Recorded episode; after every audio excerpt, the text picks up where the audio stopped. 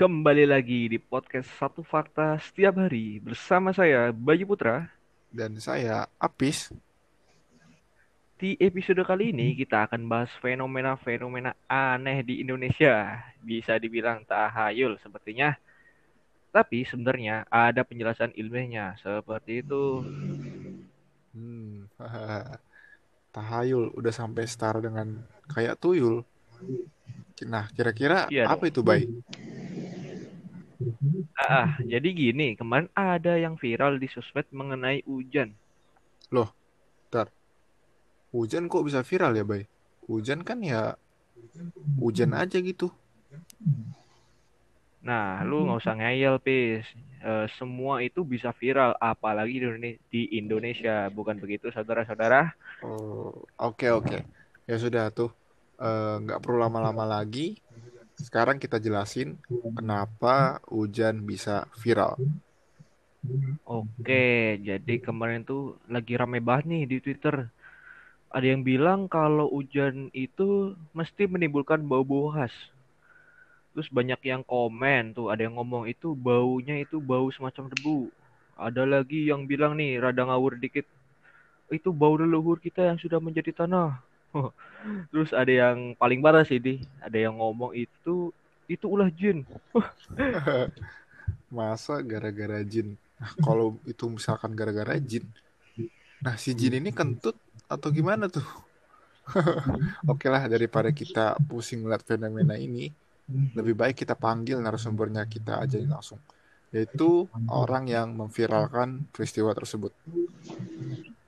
Yoi, jadi ini adalah tamu yang sangat istimewa, yaitu kita persilakan kepada Mbak Karin. Eh, ini Mbak Karin itu namanya Aukarin ya? Oh, ya bukan dong bro, ini orangnya beda. Selamat malam Mbak, Eh, selamat bergabung dengan kami di acara yang sangat mengedukasi ini. Iya, selamat malam, Kak. Oke, selamat malam Mbak Karin. Jadi gini Mbak, saya mau nanya sih, gimana sih Mbak soal fenomena yang lagi viral ini kok sampai Mbak itu berasumsi seperti itu? Iya nih. Jadi, eh, setiap hujan itu kan suka tercium aroma-aroma khas. Banyak yang belum tahu nih, aroma itu biasa aromanya itu biasanya disebutnya petrikor. Untuk asal-usulnya sendiri saya kurang tahu sih, Kak. Tapi mungkin karena pertemuan antara tanah dengan air hujan. Nah, untuk petrikor sendiri itu setahu saya wanginya agak-agak seperti bau gosong. Nah, mungkin ini tuh karena sebelum hujan kondisi tanah atau aspalnya itu sangat kering. Jadi ketika hujan timbul deh aroma seperti gosong gitu. Hmm, Itu sih Kak yang saya hmm, berarti bau ini ya, tanah kering. Bahkan aspal juga itu. Hmm, oke lah, terima kasih Mbak Karin. Oke, oke. Iya, Oke, biar kita lebih lebih paham lagi, mungkin kita panggil narasumber kedua kita yang lebih tahu. Kali ini datang dari seorang yang mengaku sebagai keturunan pawang hujan, katanya. Ah, pawang hujan. Ya bener lu, Pis. Berarti ini orang dalam BMKG nih pasti nih. Tahu hujan kapan. Eh, mungkin ini ya kali. Bapak kakek buyutnya itu bisa menghentikan hujan gitu kali ya, Pis. Gak tahu juga sih bro, tapi menurut info yang ada sih, ya gitu keadaannya.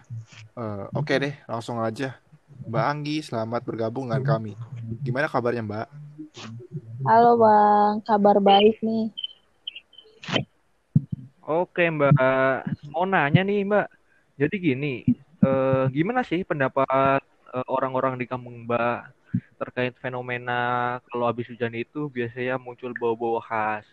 Biasanya orang-orang di sini tuh pada ngomong itu bau hujan. Nah, saya itu dapat informasi bahwa di daerah Mbak itu masih kenal dengan eh, ritual-ritual mistis gitu. Apakah ada kaitannya dengan bau hujan itu, Mbak? Oh iya benar Bang, jadi di tempat saya ya, di kampung saya itu, itu kalau ada hujan turun dan itu di waktu siang atau sore hari, itu kan bakal ada kayak bau gosong ya. Nah banyak orang tuh beranggapan kalau itu baunya dari bangkai atau mayat manusia yang dia tuh menguap ke udara, jadi tercium seperti bau gosong gitu. Nah gitu sih Bang di sini tuh. aneh memang orang-orangnya. Waduh, agak ngeri juga ya. Oh, oh, aduh. Uh, Pis kok rada ngawur ya ke sini-sini ya. Hmm, makin jauh dari penjelasan ilmiah. Saya kira ini ada penjelasan ilmiahnya. Uh, betul banget nih bro. Ya udah deh, kita langsung tanya pakarnya aja ya, biar kita semua tahu kebenarannya dan nggak asal berasumsi lagi jadinya. Oke, kita lanjut aja. Uh, kita sambut narasumber yang terakhir. Ya. Bio adalah Pak Barik Fajar, yaitu dulunya mahasiswa postdoktoral bidang ilmu mikrobial ekologi di University of Copenhagen, Denmark. Wah, jauh juga nih kuliahnya. Selamat malam, Pak Barik. Apa kabar? Selamat malam, Mas Bayu. Terima kasih loh waktunya. Ya, sama-sama, Pak. Oke, terima kasih banyak ya, Pak, sudah bersedia kami undang ke acara kami pada malam ini yang sepertinya ya seperti Bapak sudah dengar tadi ya Pak bahwa anggapan masyarakat awam tentang bau yang timbul sehabis hujan itu sangat tidak ilmiawi banget ya Pak. Masyarakat masih cenderung berasumsi tanpa ada dasar ilmiah atau fakta yang mendukung. Jadi sebenarnya bagaimana bau tersebut itu bisa muncul ya Pak? Uh, oke okay, terima kasih. Uh, jadi untuk Mbak Karin sama Mbak Gita ya, uh, tadi Mbak Karin bagus banget tuh, udah ngasih tahu nama baunya petrikor. Iya, bener banget tuh, namanya petrikor. Nah, sebabnya apa nih bau petrikor ini muncul? Bau petrikor ini muncul tuh banyak sebenarnya. Cuma yang paling terkenal itu adalah karena geosmin. Geosmin itu apa sih? Geosmin itu Mbak uh, adalah semacam produk atau biasa disebut metabolit sekunder, produk dari mikroba yang di mana uh, waktu hujan ini yang memberikan bau itu, bau-bau yang kayak bau tanah itu.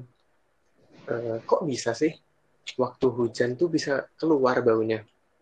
Jadi gini, uh, geosmin ini tuh dihasilkan oleh mikroba yang hidupnya tuh di tanah. Biasa disebut actinomycet jenisnya. Nah, si actinomycet ini dia mengeluarkan geosmin yang di mana ketika waktu hujan, hujan itu kan airnya jatuh ya, terus kena tanah kan. Nah, tadi itu mikroorganismenya itu kan tinggal di tanah. Nah, otomatis uh, ada gangguan nih dari atas nih, alias si air hujannya ini. Air hujannya ini kena egeosminnya ibaratnya. Dan karena ada gangguan itu, akhirnya keluar tuh bau yang di mana baunya tuh kayak bau-bau tanah. Biasa disebut bau petrikor. Nah, tapi e, fungsinya apa sih? Buat apa gitu ada bau-bau tanah itu? Jadi bau-bau tanah itu tuh ada banyak ya spekulasinya sebenarnya. Uh, ada yang menyebutnya ini tuh sebagai cara pertahanan diri. Ya, jadi kadang ada beberapa organisme yang mengeluarkan bau-bauan unik untuk mengibaratnya menghalau predator. Ada juga spekulasi lain di mana uh, actinomycet ini mengeluarkan geosmin fungsinya untuk menyebarkan diri mereka.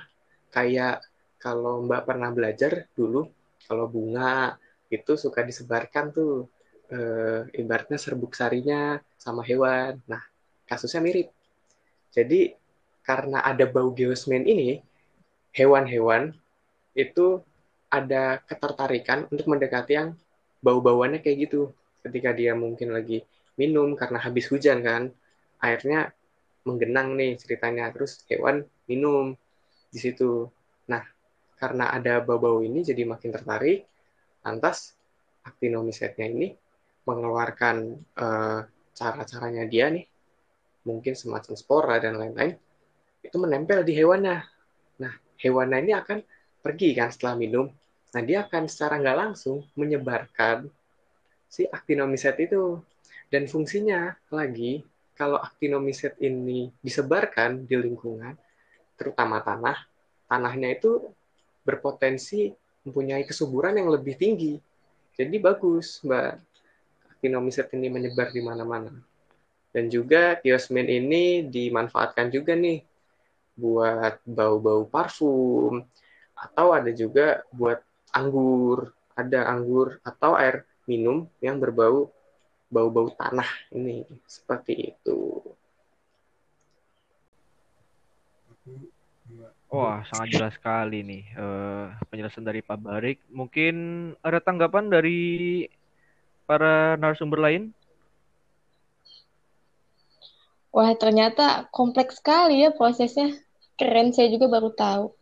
Ternyata banyak juga ya manfaatnya untuk manusia. Wah, keren banget penjelasannya, Pak.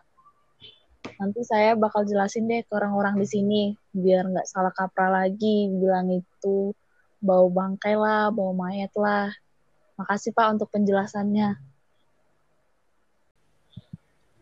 Oke, mungkin udah cukup nih pembahasannya sangat luar biasa penjelasan dari Pak Barik. Udah berasa seperti kuliah online mendadak.